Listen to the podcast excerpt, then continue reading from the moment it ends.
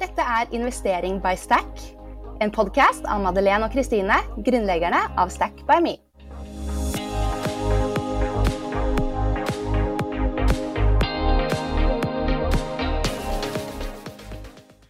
Podkasten er sponset av 247 Office, som er favorittregnskapssystemet vårt.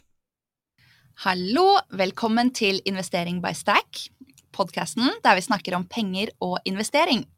I dag så har jeg med meg Ida Jackson i studio her.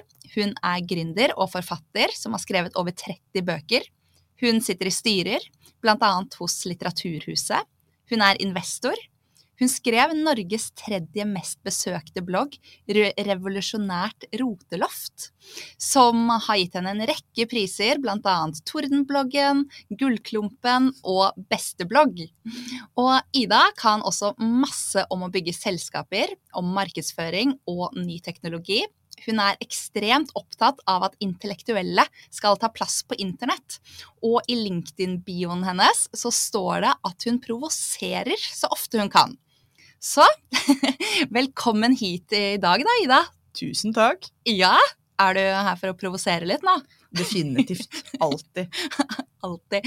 Men eh, herlighet, det er så mye å si om deg. Men kan ikke du si noen ord om deg selv, da? Jo. Hvordan beskriver du deg? Altså, jeg er noen som har jobbet med tekst og teknologi siden jeg gikk på midten av videregående. Som betyr at jeg har én e, fot i klassisk eh, dannelse, litteraturvitenskap og eh, tradisjonelt kulturliv. Og så har jeg én fot som alltid har vært ikke bare liksom i sånn eh, Altså, jeg har jobbet masse startup, designbyrå, jobbet i Netlife i mange år, sittet i styret der. Eh, men jeg kommer jo egentlig fra den dypeste mørke i stacken med databaseteknologi. Lærte å skrive kode i Vim, ikke Emax, veldig viktig. Um, eh, pleide å gjøre alt i eh, terminalen. Så i gamle dager på, på Blindern, når jeg logget meg inn på, eh, på, på Klodrik, da, som var UiOs gamle server som alle studenter i prinsipp hadde tilgang til, som jo så sto jo velkomsten, og satt jeg på Sofus Bugge, som var det humanistiske fakultetsbibliotek, og så sto det som åpningsmelding på Klodrik Hei, eh, IFIK-student. Er det ikke digg å slippe den classfronter-driten? Som da var på en måte sånn, Forventningen var at jeg var en informatikkstudent når jeg logget meg inn på den serveren. Så jeg har alltid bodd i minst to verdener. Og samtidig så er det sånn for meg at tekst og teknologi er utrolig tett forbundet. Så jeg pleier å si at alt menneskeskapt og syntetisk, eller fordi jeg er litt sånn heksete og alternativ og samtidig veldig kritisk, alt som er forbundet med planeten Merkur, eh, ja. nemlig det 100 syntetisk menneskeskapte, enten det er penger, eh, eller det er databaser, eller det er lyrikk, er det jeg jobber med. Ja. ja. Så alt som er Nå er vi jo på en måte, når vi forholder oss til Stack by me, så er jo det en 100 dikta opp ting ja. som jobber med andre ting som er systemer som finnes ute i verden og er gammelt, men er fortsatt diktet opp. Og det betyr at, vi, at jeg liker å jobbe med ting hvor jeg har veldig veldig mye makt, og hvor ting kan endres veldig veldig fort. For jeg er mm. primært interessert i endring. Så det er det jeg jobber med. Ja, ikke sant. Ja. Og det var jo en måte å forklare det på. Så har det kommet mye outcome ut av, ut av dette her, da, med bøker og podkast. Ja. Eh, hva med denne Tordenbloggen og Gullklumpen og altså, Du har fått noen sånne stempler opp igjennom? Altså, du kan si at eh, jeg har jo det privilegiet med å ha vært noen som har vunnet sosiale mediepriser og undervist i sosiale medier mm. fra før Facebook fantes, før Instagram fantes, og jeg var en av de ti første i Norge på Twitter. Ja. Som ikke heter Twitter lenger. Hei, Elon. Jeg vet ikke hvordan vi skal kalle, vi skal kalle det en gang lenger. Ja, det var veldig rart. Eh, jeg bare X-er du, på en måte, når du sender en X? Jeg vet ikke. Men eh, Så i 2008 så skrev Dagbladet at Ida Jackson sin blogg er den største utfordreren i liksom norsk medieforståelse. Og det er jo veldig veldig lenge siden. Ja. Var, da var jeg 21. Ja. Men det betyr også at fordi jeg har jobbet med markedsføring og sosiale medier fra 2006 og frem til nå, så har jeg et veldig annet perspektiv enn det de fleste har når de kommer inn og er sånn jeg bare, Ja, og årets trend. Og jeg bare mm, Ja, årets trend. Ja, ja, for du har liksom vært med og sett hele utviklingen helt fra start. Jeg har jo selv vært på eh, foredrag med deg eh, hvor du snakker om så masse sykt interessant, da. Hvordan det egentlig Det er jo veldig fint å liksom også ha den forståelsen for hvorfor kommer det sånne trender, da. Eh, hva er det som vi egentlig ser på TikTok? Hva er det som egentlig ligger bak den psykiske eh, Ja, det er eh, du har virkelig peiling eh, på det her. Tusen, tusen takk. Men det er også interessant når vi snakker om sånn dette med, eh, med penger og med å lage nye ting og samtaler om penger. Mm. Ikke sant? Fordi um, jeg har blant annet vært med Jeg var partner frem til jeg solgte aksjene til Fiken i fjor, i Folio. Ikke Ja. sant? Fra starten. Eller fra, jeg var med i Folio fra det het TBD AS, sånn to be determined, inntil man liksom hadde en navneprosess, og så gikk man for Folio, for det var det navnet designbyrået foreslo som alle hata minst. Ja. en god prosess, vil jeg Ja, si. det er vel sånn mange sånne prosesser er. Ja, Ja. men du kan jo si at den sånn biten med å ehm, Det er en av de sånn eh, eh, prosjektene jeg har vært med på å bygge og markedsføre, som for meg er sånn Når vi snakker om penger på internett, Mm. så snakker vi jo både om eh, hva er det folk gjør, hvilke fortellinger har det, er det folk har, men vi snakker også om sånn helt praktisk logistikk. ikke sant? Jeg håper jo at Folio om 100 år kommer til å være litt sånn digital Bergensbanen i Norge. Mm. Ikke sant? Hva er folio, da, til de som ikke kjenner det? Altså Folio er eh, bankkontoen som gjør regnskapet for deg. Det er veldig viktig at det ikke er en bank, da blir Finanstilsynet lei seg. Du vet alt om hva Ja. som skjer når Finanstilsynet blir lei seg. Ja. Så her må vi bruke terminologien riktig. Men for sluttbruker oppleves Folio som en bank. Ja. Men det er ikke en bank. Det er ikke bankkonsesjon. Nei. Eh, Det er et samarbeid med Sparebanken Vest. Men du kan si at når jeg snakker med folk som Det er utrolig mange unge mennesker som stifta firmaet sitt i 2020. Mm. Og da stiftet de det med Stiftemaskinen, som er en gratistjeneste fra Folio, som jeg har navngitt og designet og Ja, det, Stiftemaskinen, ja, det var veldig sånn deg-type navn. Ja, og, og når jeg gikk innom den sist, så tror jeg fortsatt at 90% av teksten er min tekst fra 2018, som jeg Ja. er veldig morsomt. Ja. Men eh, jeg har også lagd alle tekstene i Sparebankstiftelsens søknadsskjema til orientering. Jeg har noen sånn, men jeg også ligger fast fra 2015, som er sånn Ida Jackson, men usignert, liksom. Men Stiftemaskinen, på det meste under 2020-2021, stift, sto for 90% av alle norske nye, nyetableringer. Ja. Ikke sant? Og samtidig som Stiftemaskinen da både er en gratis tjeneste for å stifte et AS, så er den også en salgstrakt for foliokontoen. Og før foliokontoen begynte å koste liksom, en faktisk break-even-pris, når vi var på liksom, sånn at det kosta 60 kroner i måneden, eller noe sånt med foliokonto, så konverterte den salgstraksen på 90 Mm. Så da var det sånn 90% av alle nyetableringer gikk for fikk, liksom ble da stiftet via stiftemaskinen, og dem igjen så var det 90% som ble foliokunder. Og når jeg da når vi var på, holdt på å si, eh, den sånn AV-tingen vi var på, Ja, siden Let's Talk Business-konferansen. Ja. da treffer jeg jo unge gründere som er sånn Men har det ikke alltid vært sånn? Og jeg bare nei, det har ikke alltid vært sånn at du kunne få konto for AS under etablering på to timer, og at du kunne kjøpe ta foliokortet ditt, kjøpe kaffe på Kaffebrenneriet, og så fikk du et push-varsel på telefonen som sa hei, du har kjøpt kaffe på Kaffebrenneriet. Regner med at det er et møte. Skal du ta bilde av kvitteringen og skrive hva formålet med møtet var, og hvem som var der? Ja. Og de bare, men det er jo veldig logisk at det er sånn. Jeg bare, ja. Ja. Men bak det, første gang jeg viste det til Anita Krohn Traaseth, som jo har jobbet med mange ting, men primært sånn som meg, jobbet med Evris gamle banksystemer, liksom, Mm. som jo Så var hun sånn, hun bare Hvordan er det fysisk mulig?! ja, det er akkurat det. Det er kanskje sju ulike datakilder som utgjør den her, og de, ingen av dem sier Kaffebrenneriet. Nei. Og jeg bare Funny story. Det foliokortet egentlig gjør, er at den tar sant? På transaksjonen så får du med en, I banktransaksjonen så får du med en sånn sammenklemt kaffebr... Eh, og så navnet på franchiseeier. Eh, og så mapper man da det mot Liksom den, det ordet mot stedet du befinner deg på Google Maps, så du bruker lokasjonsdataen på kortterminalen, som man jo også har. Ja. Og så tar man Googles lokasjonsdata, den forkortede banktingen, for det er bare et visst antall tegn som kan gå i banktransaksjonen, så er navnet for langt, så får du det ikke i helhet heller, da blir det halvert. Ja. Og så mapper du det mot eh, Kjære gud, hva er den siste tingen? Jo, mot bedrifter i Bregg lagt på den Google-adressen.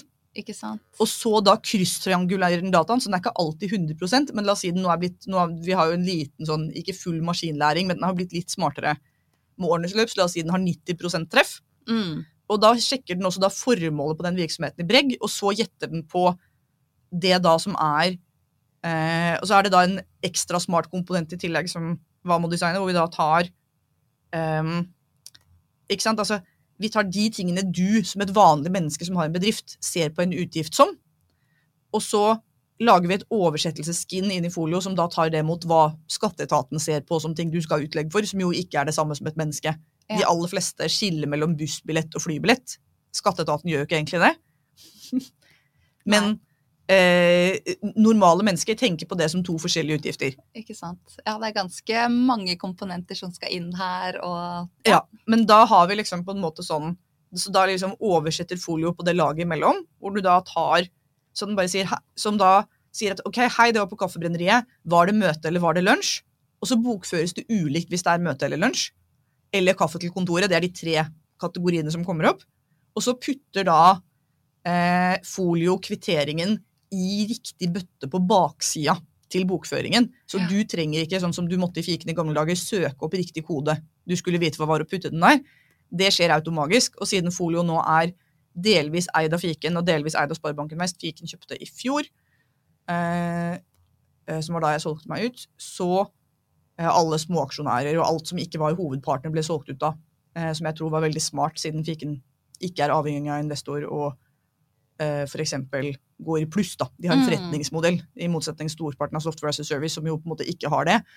Um, men altså den sånn krysstrianguleringen som for sluttbruker er liksom sånn, ja, selvfølgelig vet den hvor du har kjøpt. Det burde jo være helt åpenbart at Visa-kortet, terminalen og nettbanken vet hvor den er. Ja, jeg skjønner jo at mange tenker sånn, ja, er ikke det liksom åpenbart at det alltid har vært sånn? Men eh, noen skal jo lage det, og det er jo litt det samme som eh, vi forteller noen ganger også da, om Anita, vår COO, som begynte å jobbe med aksjer i, hun var med å lage Norges første digitale nett, eh, eller digitale online-plattform for aksjer. Eh, og det føltes jo digitalt for de fleste, kundene, men det var jo Anita som satt fysisk og punchet eh, og gjorde alt eh, he helmanuelt på baksiden. Så det er, eh, det er så gøy å måte se, være med på sånn utvikling, da. Men, men det er her jeg tenker på det som altså Jeg tenker jo at Anita skal inn i tek norsk teknologihistorie som entreprenørene som bygget Bergensbanen, og entreprenørene som eh, reiste monolitten i Frognerparken. Ja. For vi visste ikke hvordan vi skulle få den svære granitten. Erik Henriksen måtte bygge en egen patentert oppfinnelse som fremdeles er unik i norsk teknologihistorie. Og det å legge de togskinnene over fjellet var en kjempejobb. Ja. Og tilsvarende er det også med disse tekniske tingene. Eh, det er bare det at fordi vi fordi de aller, aller fleste mennesker kan ingenting om teknologi og bruker det hver dag, og er Mm. veldig late når det kommer til datamaskiner, så glemmer vi å fortelle de historiene. Så jeg føler at liksom, jeg, jeg kjenner at jeg har et behov for at det skal være den store norske leksikon-oppføring om Anita. Ja, I liksom- jeg vet det. Herregud, det, det skal det bli. Uh, men herlighet, vi kunne jo snakket om dette her en evighet. Men én liten historie til fra deg, da, for jeg synes det er Du har jo hatt en superimponerende karriere og gjort Du startet veldig tidlig, uh, men du fortalte meg for ikke så veldig lenge siden hvordan karrieren din på en måte litt sånn startet, fordi du var kjæresten til Daniel Jackson. Ja, egentlig fordi jeg var kona til Daniel Jackson. Kona Jeg gifta ja. meg med Daniel Jackson da jeg var 18 år, gikk andre år på videregående. Ja, tidlig. Eh, og, eh, det er, og det er hans etternavn jeg har stjålet fordi eh, jeg skilte meg jo fra ham med veldig altså jeg må si, altså Skulle jeg skrevet et TripAdvisor-review på John Daniel Jackson, så ville jeg sagt ti av ti. Eh, vi liksom eh, skilte som mer enn venner. Men, eh, men det var jo fortsatt sånn at da jeg skilte meg i 2010, så sa forleggeren min litt sånn hun bare ja, det er klart at du kan jo gå tilbake og bli Ida Sofie Tjøstland Sørland. Du kan jo det. Ja.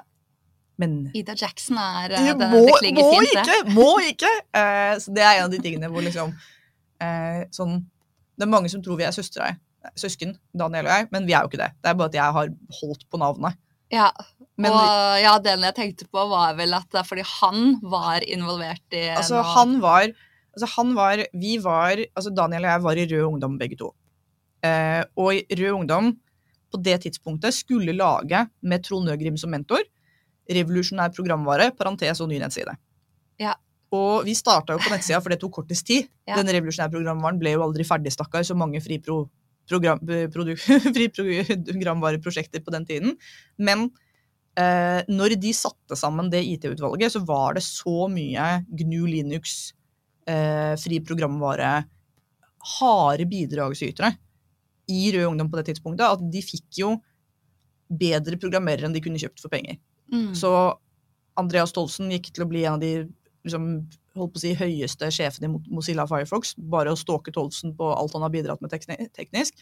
Wilhelm Jørgs Andersen var jo også partneren min i Folio og er en av de viktigste mennene i norsk teknologi om dagen. Berger Sveps Bjørlo er en legendarisk systemadministrator. Har gjort vanvittige ting i Norid og NTNU og steder i statsforvaltning som han ikke har lov til å snakke om, for det er litt for hemmeligstempla, så god er han med sikkerhet. Eh, Andreas Lindrupsen har vært den viktigste mannen på norsk universell utforming på nett. Og så var det da også da Daniel Jeg må også nevne Terje her som eh, Jeg elsker deg, Terje. Jeg vet ikke om du noensinne ville hørt på en podkast. Du er så langt ut på spekteret at jeg vet ikke hvor i serveren du bor. Men du er veldig flink, Terje. eh, men, men, det liksom, men, på en måte, men han var virkelig liksom Mr. Backend, backend, backend. Dette her er altfor mye fluff og småprat for Terje. Terje Ja. liker kode. Ja. Så, men eh, Daniel var den av dem som var eh, den, den- viktigste av dem alle sammen. Fordi han var, altså han er jo nå en veldig veldig dyktig tjenestedesigner og jobbet masse år, vunnet masse priser for liksom tjenestedesignarbeidet sitt. Men det var jo sånn at når denne revolusjonære nettsiden skulle lanseres første gang, og den var perfekt, og den validerte med perfekt XHTML strikt og den nydeligste, jeg vet ikke hva da, eh, cutting edge-ting, og så var det noen som stilte ett kritisk spørsmål, og det var er det noen som har testa den her i Internet Explorer 6? Og alle gutta bare vi har aldri hatt Windows på maskinen, så det vet vi ikke. Og Daniel bare jo. Daniel har testet den i IE6 og laget et eget stilsett som heter IE6, hvor jeg har putta inn Spacey GIFs og liksom ødelagt koden fullstendig, men nå virker den for vanlige mennesker. ja. Eh, så det var hans rolle. Men eh, fordi dette var Rød Ungdom, så fikk ikke de lov til å vedta som komité å jobbe på den revolusjonære programvaren før det var 50% kvinner. Og da stilte de spørsmålet er det noen av dere som har en kjæreste. Det var det ingen av dem som hadde, men Daniel hadde jo da en kone. Ja. Eh, og det var meg.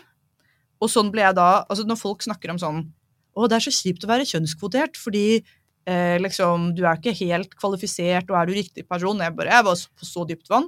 Tolv år på Steinerskolen. Kunne ikke skrive på tastatur. Hadde aldri tatt på en datamaskin. Fikk en IBM ThinkPad og Shellscript og liksom bøker i HTML, eh, eh, CSS, PP, MySQL, og bare sånn Lær dette. Ja. Og så lærte jeg jo helt For da var det sånn Ja, jeg har en kone, så hun kan jo sikkert bli med her, liksom. Eh, Så da, var jeg, da ble jeg invitert til deres krypterte IRC-kanal, som var den eneste måten de kommuniserte på. Ja. Eh, Det er jo, hva tenker du om akkurat dette her? da? Nå skal det jo masse kvinner inn i styrer fremover, og det er jo, blir jo stilt spørsmål er man like godt kvalifisert. Nei, det er du, du ikke. Du er jo Nei, det klassiske altså- eksempelet på i hvert fall altså, Altså, det totalt motsatte her, da.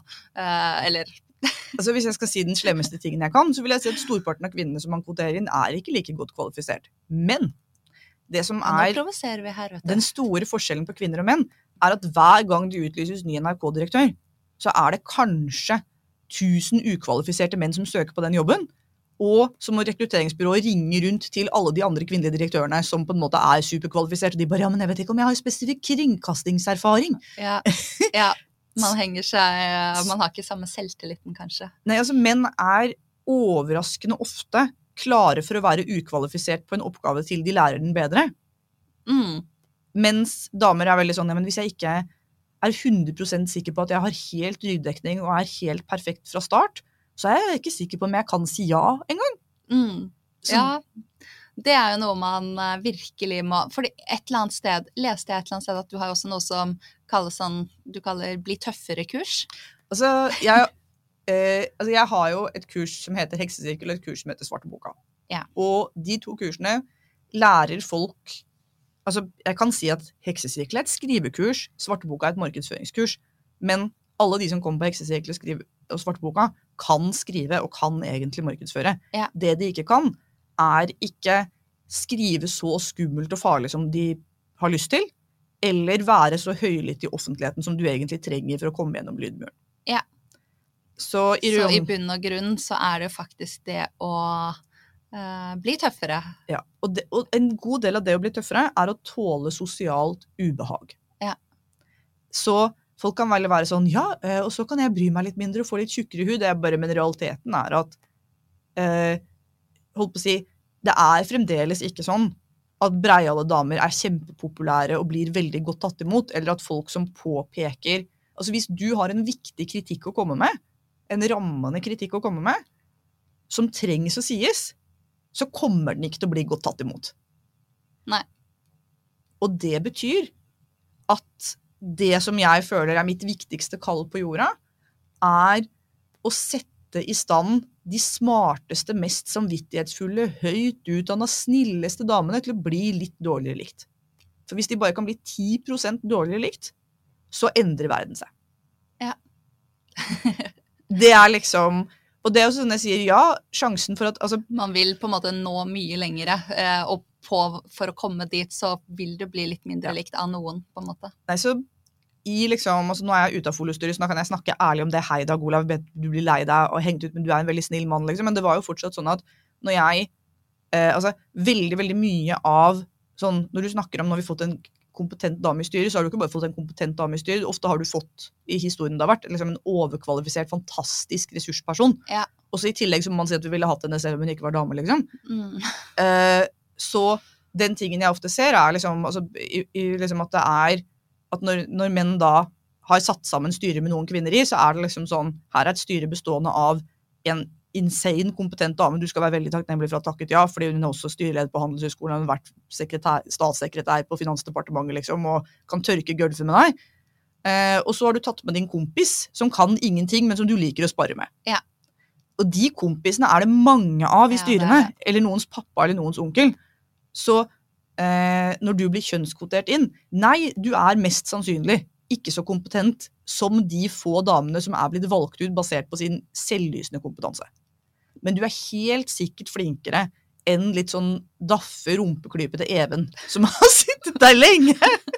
Jeg elsker det. Ja, ja, ikke sant?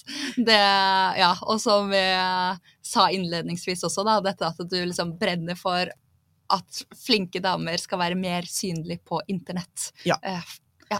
Fordi internett er jo Altså den tingen som jeg har prøvd å si til folk siden 2006, som liksom var min aha-opplevelse når jeg satt da inne i koden der. Og så Mm. skjønte jo jeg, apropos sosialt ubehagelige ting, jeg skjønte jo at uansett hvor bra jeg blir til å kode, så kommer jeg aldri til å bli så flink som disse gutta her. Fordi hadde, mora, hadde de dødd i vannvare da de var 14 år, så hadde ikke mora deres kjent dem igjen, for de var 90% pikselert. De bodde inni boksen, og dette var deres kall, dette var deres mening med livet. Og det var ikke mitt kall. Jeg syntes det var spennende, litt som strikking. Følte, føler at kode og strikking henger veldig tett sammen. Du må følge regler, og du må feilsøke, og så må du rekke opp, og så må du liksom tette hulene dine og sånn. Men jeg kom aldri til å bli så flink som dem. Ja. Og så endte jeg da på å gjøre alle de kjedelige jobbene. Fordi det som skjedde med Rød Ungdoms internettutvalg, var at vi ble et firma, ironisk nok. Eh, fordi vi skulle jo lage revolusjon, men istedenfor så lagde vi den nettsida med et hjemmelagd publiseringssystem som heter Talco. Hvis du har vært en av de som har lagd ditt eget CMS på tidlig 2000-tall, I salute you, og kjære gud så mye drit vi lagde, liksom. Men da, vi lagde Talco.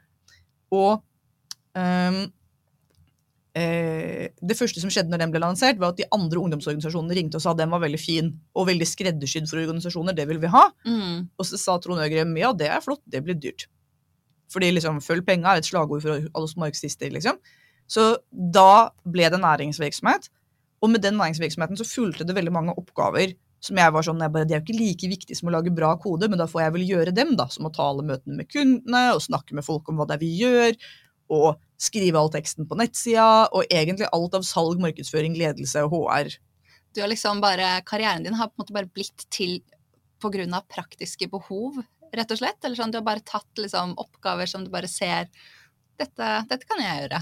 Dette kan jeg gjøre. Ja. Ja, og så hjalp det å ha Trond Øgrim som mentor òg, som jo var veldig sånn Hans slagord var liksom sånn at ja, nå kan ikke jeg noe om det her på forhånd, men hvis du er så lur som meg, så er du helt åpenbart at. Eh, og det smittet jo litt, men dette var mens jeg var 18-19. Ja. Så jeg gikk fortsatt på videregående og skrev med fyllepennen min.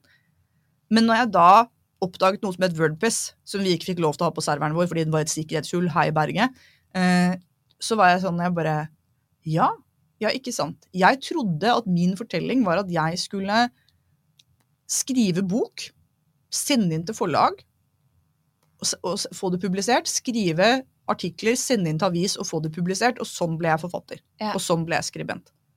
Og så var jeg sånn Vent nå litt. Jeg kan jo bare trykke 'publish' her ute på internett, og jeg har ubegrenset plass. Og jeg kan gjøre hva jeg vil, i alle sjangre jeg vil. Og den sånn aha-opplevelsen prøver jeg fremdeles å riste folk løs for at de skal Mm. skjønne. For jeg vil si at 99,9 av verdens befolkning har fortsatt ikke skjønt at dette er medievirkeligheten vi lever i. Mm. Og når jeg snakker om disse damene som jeg ville skru opp volumet på, så er det liksom for å si at ja, altså, jeg setter pris på langvarig redaksjonell prosess, men folkens, du har mer oppmerksomhet og bedre Altså, du har bedre utstyr enn Charlie Chaplin. Du har bedre Du har mer oppmerksomhet enn Solkongen. Du har mer makt å påvirke resten av verden enn Cæsar og Kleopatra. Du har si, ditt eget foto, lyd, alt. Du kan gjøre hva du vil, og så sitter du her og lurer på om folk syns du er teit. Ja. Eller venter på at noen skal oppdage deg. Eller min verste favoritt, hvorfor holdt på å si, følge med på hvem som har trykket like på hvem sin ting? Er det det du bruker den til? Ja, det er jo det som Fordi alle er jo Man føler seg som et, uh, som et vanlig menneske, da, som er opptatt av hvem er det som liker og ikke liker, ikke sant? Som ligger så dypt i oss. Men man må jo bare drite i alle disse tingene her hvis man skal få noe ut. Eh, altså, jeg, jeg tror at vi må Jeg tror vi må anerkjenne Ja. at den sånn eh, Altså, jeg mener at det er et patriarkalsk traume ikke sant, som ligger over de aller fleste damer, hvor liksom på en måte historisk sett, bare for én generasjon siden, og i hvert fall for to generasjoner siden, så var det jo si, temmelig livsfarlig å gjøre menn sure. Sånn. Det var ikke lurt. Og hvis du spoler mer enn to generasjoner tilbake, så var det skikkelig farlig. Ja. Og en av måtene du holdt deg selv trygg på, var også at andre damer likte deg og beskyttet deg hvis du ble gravid eller gravid i vannveien. Så det er så mange farlige ting som kunne skje. Så kroppen husker det, og så tenker den det viktigste jeg kan gjøre, er å sørge for at jeg er trygg. Og jeg vil ikke at du skal liksom skremmes ut i å liksom bare si ok, nå kan du bare hoppe i fallskjerm og strikke fallskjermen på vei ned i offentlighetstingen.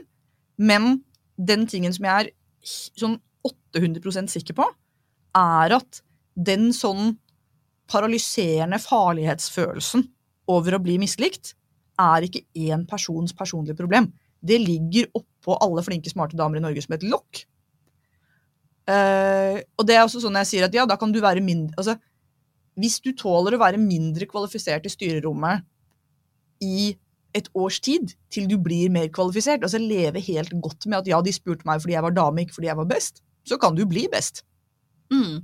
Fordi uh, Men hvis du er helt nødt til å vite at alt kommer med liksom sånn 100% sikkerhet-garanti, da er det ingenting i kunst, kultur, næringsliv eller politikk du kan drive med. Nei. Nei, virkelig. Spot on. eh, ja, virkelig helt enig. Og det skal bli gøy å se nå hva som skjer fremover. Og med deg, da, som eh, heier og backer og får folk litt tøffere her, så, og utfordrer, så blir dette her eh, Ja, eh, det blir spennende. Men det vi må også snakke litt om, da, investering. Ja. Det er jo en investeringspodkast, eh, og du er jo helt sykt business-minded. Eh, og eh, du har sagt det at du brenner veldig for å få frem også hvor viktig det er å investere og tjene penger, ikke bare dette å spare. Vil du eh, ja, utdype litt om det òg? Ja. Fordi du har jo tjent masse penger, og du er eh, Du kaller deg jo selv også investor. Eller kaller deg selv, du er investor. Eh, masse, masse bra pengeerfaring her. Tusen, tusen takk. Så la oss starte med det viktigste først. Fordi eh, det som er, da, er at de aller, aller fleste er mer redd for å tape penger enn å ikke tjene penger. Mm. Og det å bruke penger på ting vi ikke syns vi burde bruke penger på, eller har unødvendige utgifter, eller, eller liksom, det føles nesten syndig. Ikke sant? Det føles vondt. Mm. Eh, selv om jeg er litt sånn at Men de, den viktigste eh, tingen jeg har lært om penger fra veldig tidlig av, er at det å lære seg å tjene penger og få én krone til å bli ti kroner, er alltid mer lønnsomt enn å finne en måte å jobbe hardt for å spare én krone. Mm. Ja, virkelig. Det er jo, det er jo liksom sånn, ja. Det, hvis man tjener penger og investerer penger og skaper verdi, så kan man i prinsippet tjene uendelig. Mens uh, sparing, så kan man jo Altså, kun det, spare det man, en del av det man allerede har da, til rådighet. det er en veldig veldig begrenset ting på hvor mye du kan spare. Så er det sånn at Jeg kommer jo fra ekstrem fattigdom. Ikke sant? Jeg, altså, jeg vokste opp langt inn under fattigdomsgrensa. Jeg trodde det handlet om at foreldrene mine var eh, gærne hippier som hadde valgt å leve nesten pengeløst i min oppvekst. Ja. Eh, det viser seg da i løpet av det senere år så har det kommet til at faren min har vært økonomisk bindingskriminell. Han har bare også litt sånn ikke delt penga med oss barna.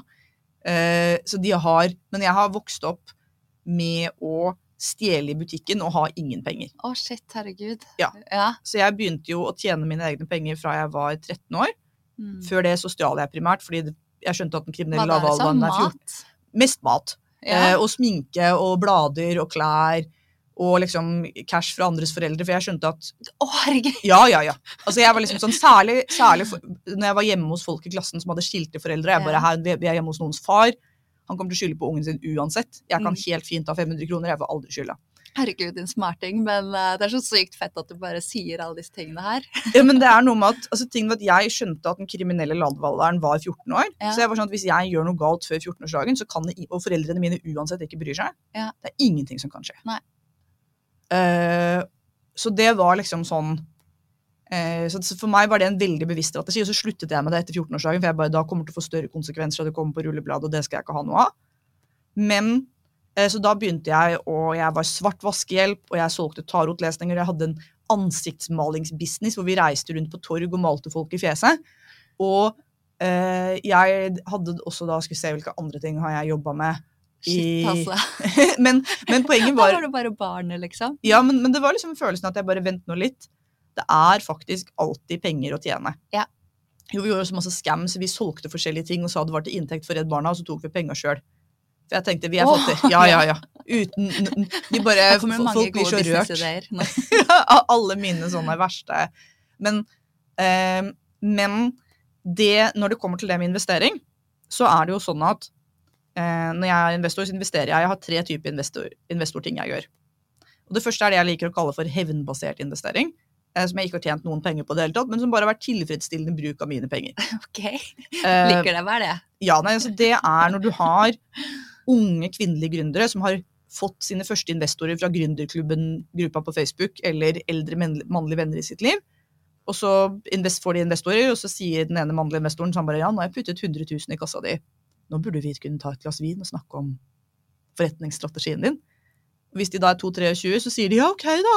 Um, så jeg har forholdt meg til en del sånne, og så har jeg sagt at ja, eh, mot at du jobber i min bedrift en periode, eh, og jeg får arbeidet ditt, så kan jeg bruke litt penger på å være styreleder en kort periode, gå inn, mose ut de gutta her, rydde i aksjeboka, og så skal du få tilbake selskapet ditt. Mm. Eh, Så det er det jeg liker å kalle for hevnbasert investering. Og eh, hvis du er en dame som har endt opp i en sånn situasjon, dette er ikke uvanlig. Nei. Det er sånn at en del av de som er altså Hvis du tenker på liksom det som skjedde med liksom tingen rundt Startup Norge? Altså Noen som blir dømt for voldtekt på Startup Extreme i 2019, blir fortsatt mm. invitert tilbake fordi han er en sånn startup-dude med masse penger og er flink til å ordne penger. Mm. Som betyr at graden av ting vi er villige til å tilgi, hvis folk putter en million inn, er enorm. Sant. Eh, og det betyr at de fleste mannlige gründere risikerer ikke seksuell vold ved å gå på og pitche sjappa si. Ikke sant? De gjør ikke det. Mm. Men jenter på 22 gjør det. Så det er den ene type investering. Det har jeg tapt ingen penger på. Det har jeg, tapt bare, jeg har jo fått arbeidskraft, selvfølgelig, men det har jeg kosa meg med. Um, har et par andre damer hvor vi har hatt det som hobby. Ja. Um, liksom. Uh, fordi det er veldig tilfredsstillende og produktivt og traumehelbredende å uh, si hei, hei, det her er styreleder Ida Jackson. Det er dessverre sånn at du er fullstendig uønsket som aksjonær. Vi kan tilby sånn og sånn i utkjøpsavtale. Vi har også mange advokater. Vi er klar for å ta den praten. Ja. Shit, altså. Eh, så det er liksom, det er den ene typen. Den andre typen er jo økonomiske investeringer i, som folio i selskaper som jeg har trodd på selv. Mm. Eh, og da investerer jeg jo, har jeg, med folio så investerte jeg både med arbeidstid og med penger. Og eh, det eh, altså Nå hadde jeg jo veldig flaks med folioinvesteringen fordi det gikk veldig bra. Og det liksom, men det var også en sånn innstillingsting. Å skjønne når jeg snakket med eh, For da brukte jeg mer penger enn jeg følte meg komfortabel med ut av mitt eget boliglån.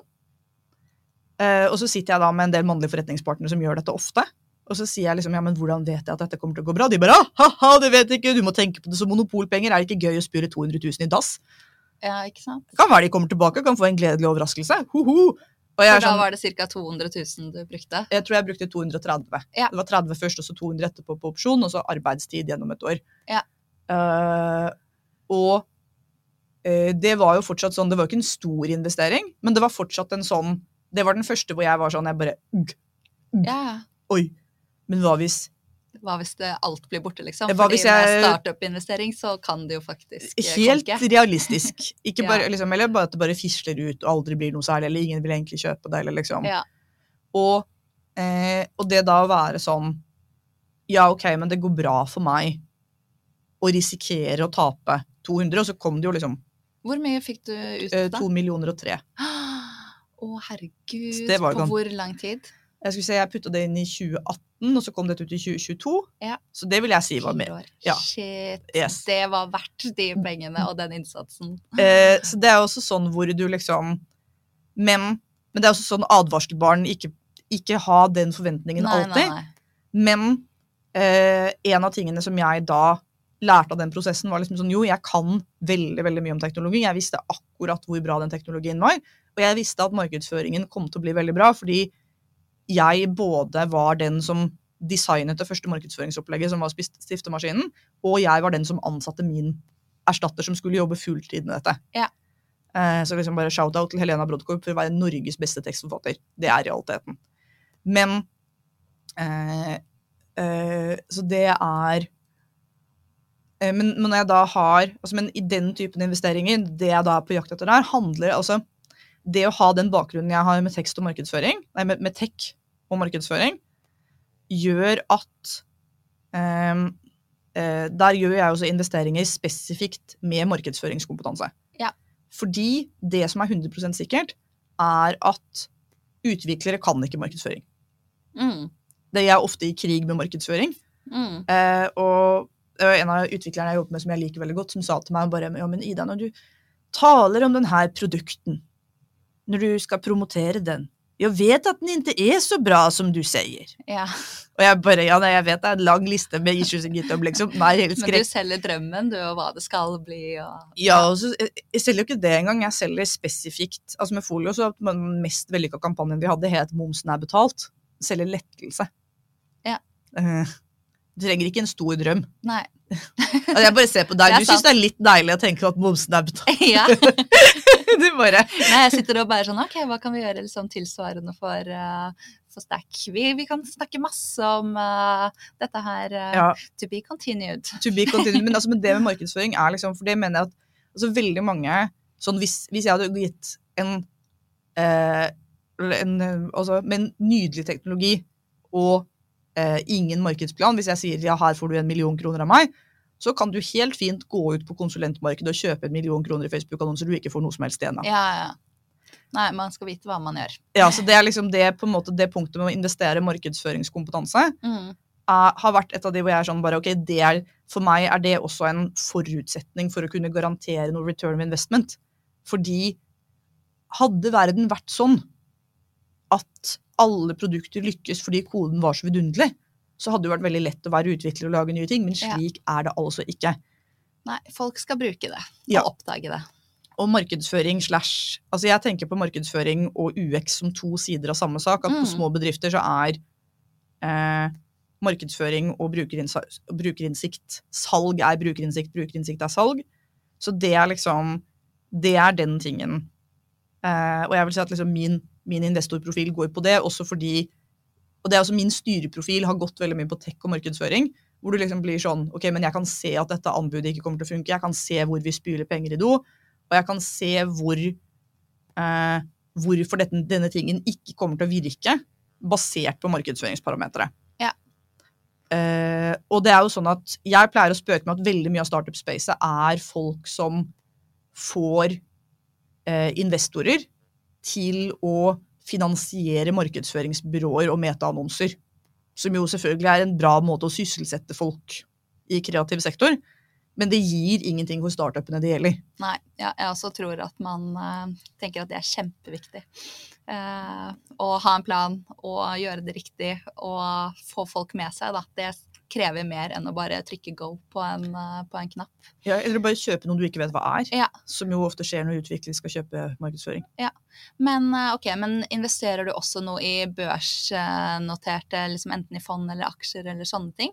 Altså, I utgangspunktet gjør jeg det Altså, jeg har gjort det litt, men jeg gjør det veldig lite. Ja. Og det er litt sånn fordi eh, Altså, eh, jeg har Altså, jeg har kjøpt eh, jeg har kjøpt aksjer i Gyllendal, fordi jeg er jo forfatter på Gyllendal, så man må jo lese børsmeldingen til Gyllendal og kose seg med generalforsamlingsinnkalling. Og så har jeg kjøpt aksjer i mange ting jeg trodde jeg kom til å gå dårlig, for det har vært veldig koselig. og jeg er veldig... Jeg, jeg har kjøpt i både Kahoot og Play Magnus for å følge prosessen etter hvert som det har gått eh, ikke så bra. Det syns jeg er veldig lærerikt. Så du har faktisk kjøpt, ikke liksom shortet? Nei, nei. men, Ja, ja. Ja, for å få alle brevene sånn på en måte Hei, nå går det dårlig. Tusen 1000 sider fra Er advokat. her masse din sånn hevn eh, Ikke hevn, men eh, det er gøy og skadefryd.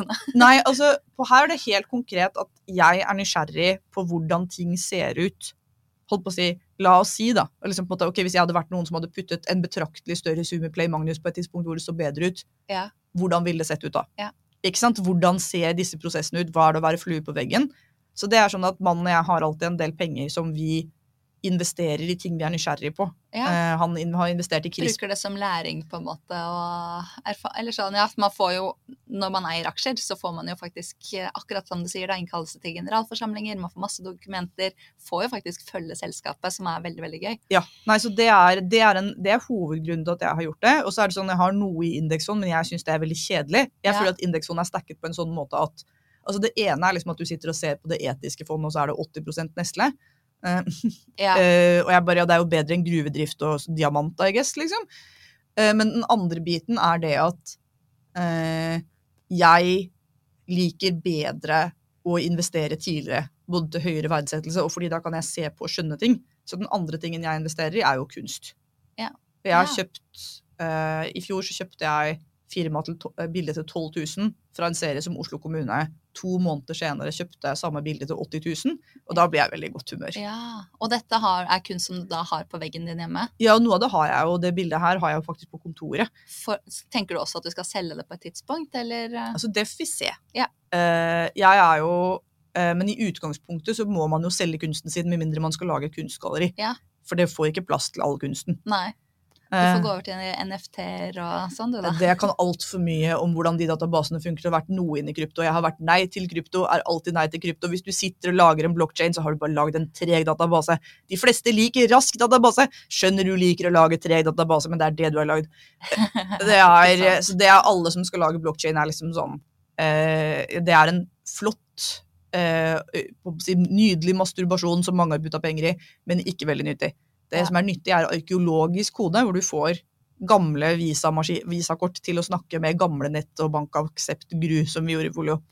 Så det er, nei, men så jeg er så sånn sett, på en måte, det er interessant for meg med Stackboy, hvor du kjøper enkeltaksjer, eller kjøper liksom, eller investerer på den måten, men jeg føler at storparten av den type spareprodukter er en måte å la folk som er redde for investering, dyppe tåa på en måte som det føles som sparekonto.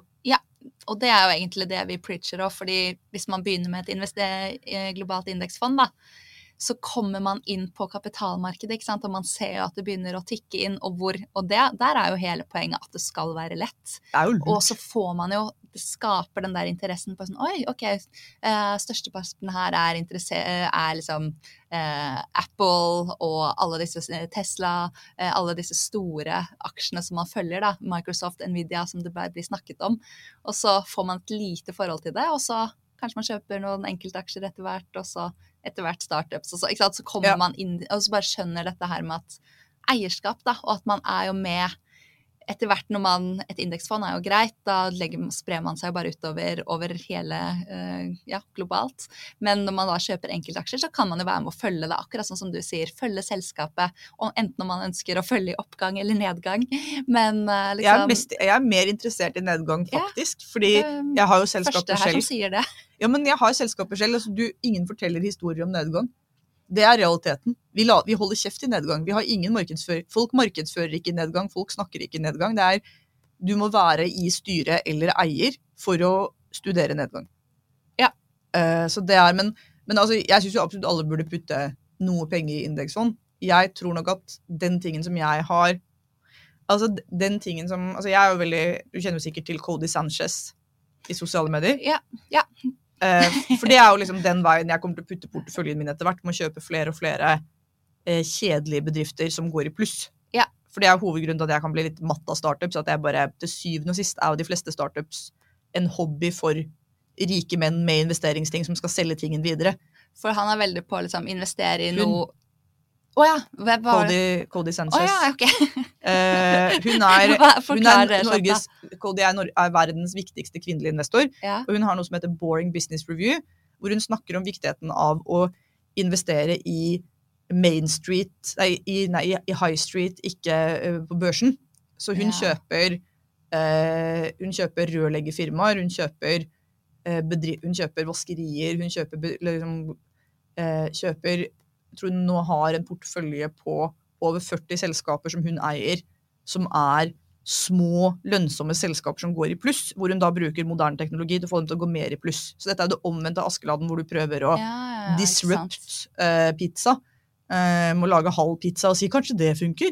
Så er hun sånn hun bare ok, det du vil finne, er den pizzasjappa i Oslo som har gjort det best i flest år, med dårligst utstyr på den teknologiske biten, og optimalisere det. Mhm, ok, jeg skal begynne å følge nøyere Ja, Ja, så jeg liker jeg, tankegangen. jeg er jo liksom Jeg tenker jo at altså, en av mine sånn liste over hva jeg liker å investere i, er jo liksom eh, ting i livet mitt som er lite, veldig bra, går i pluss, og hvor jeg er en stor kunde.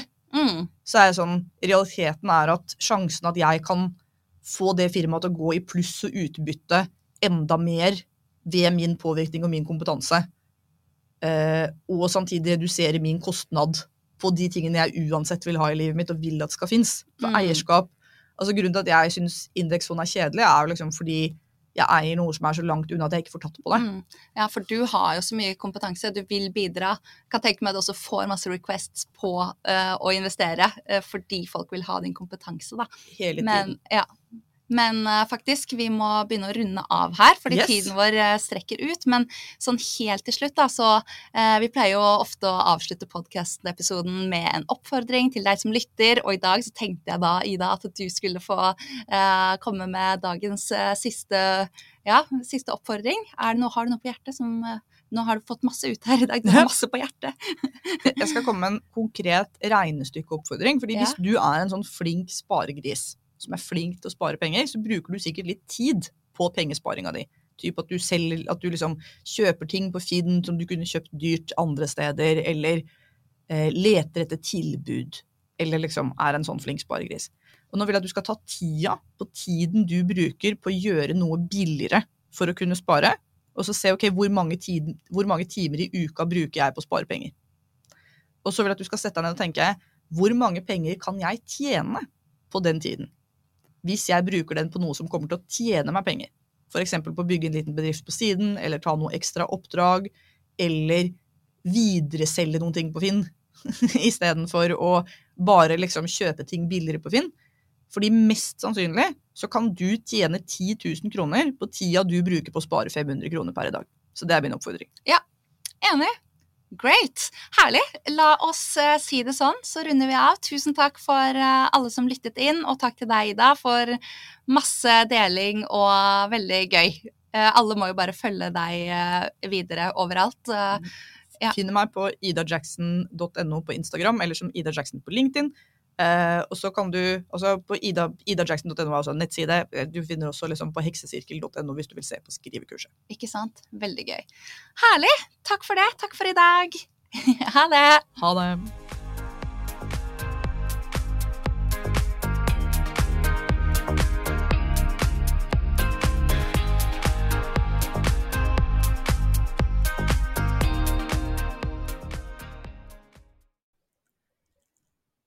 Det må sies at denne podkasten må anses som markedsføringsmateriell, og innholdet er aldri en investeringsanbefaling.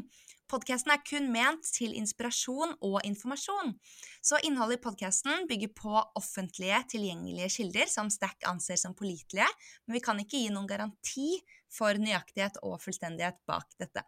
Så Stack by me tar ikke ansvar for eventuelle tap som dere lyttere kan møte dersom dere bruker informasjonen som blir gitt i denne podkasten.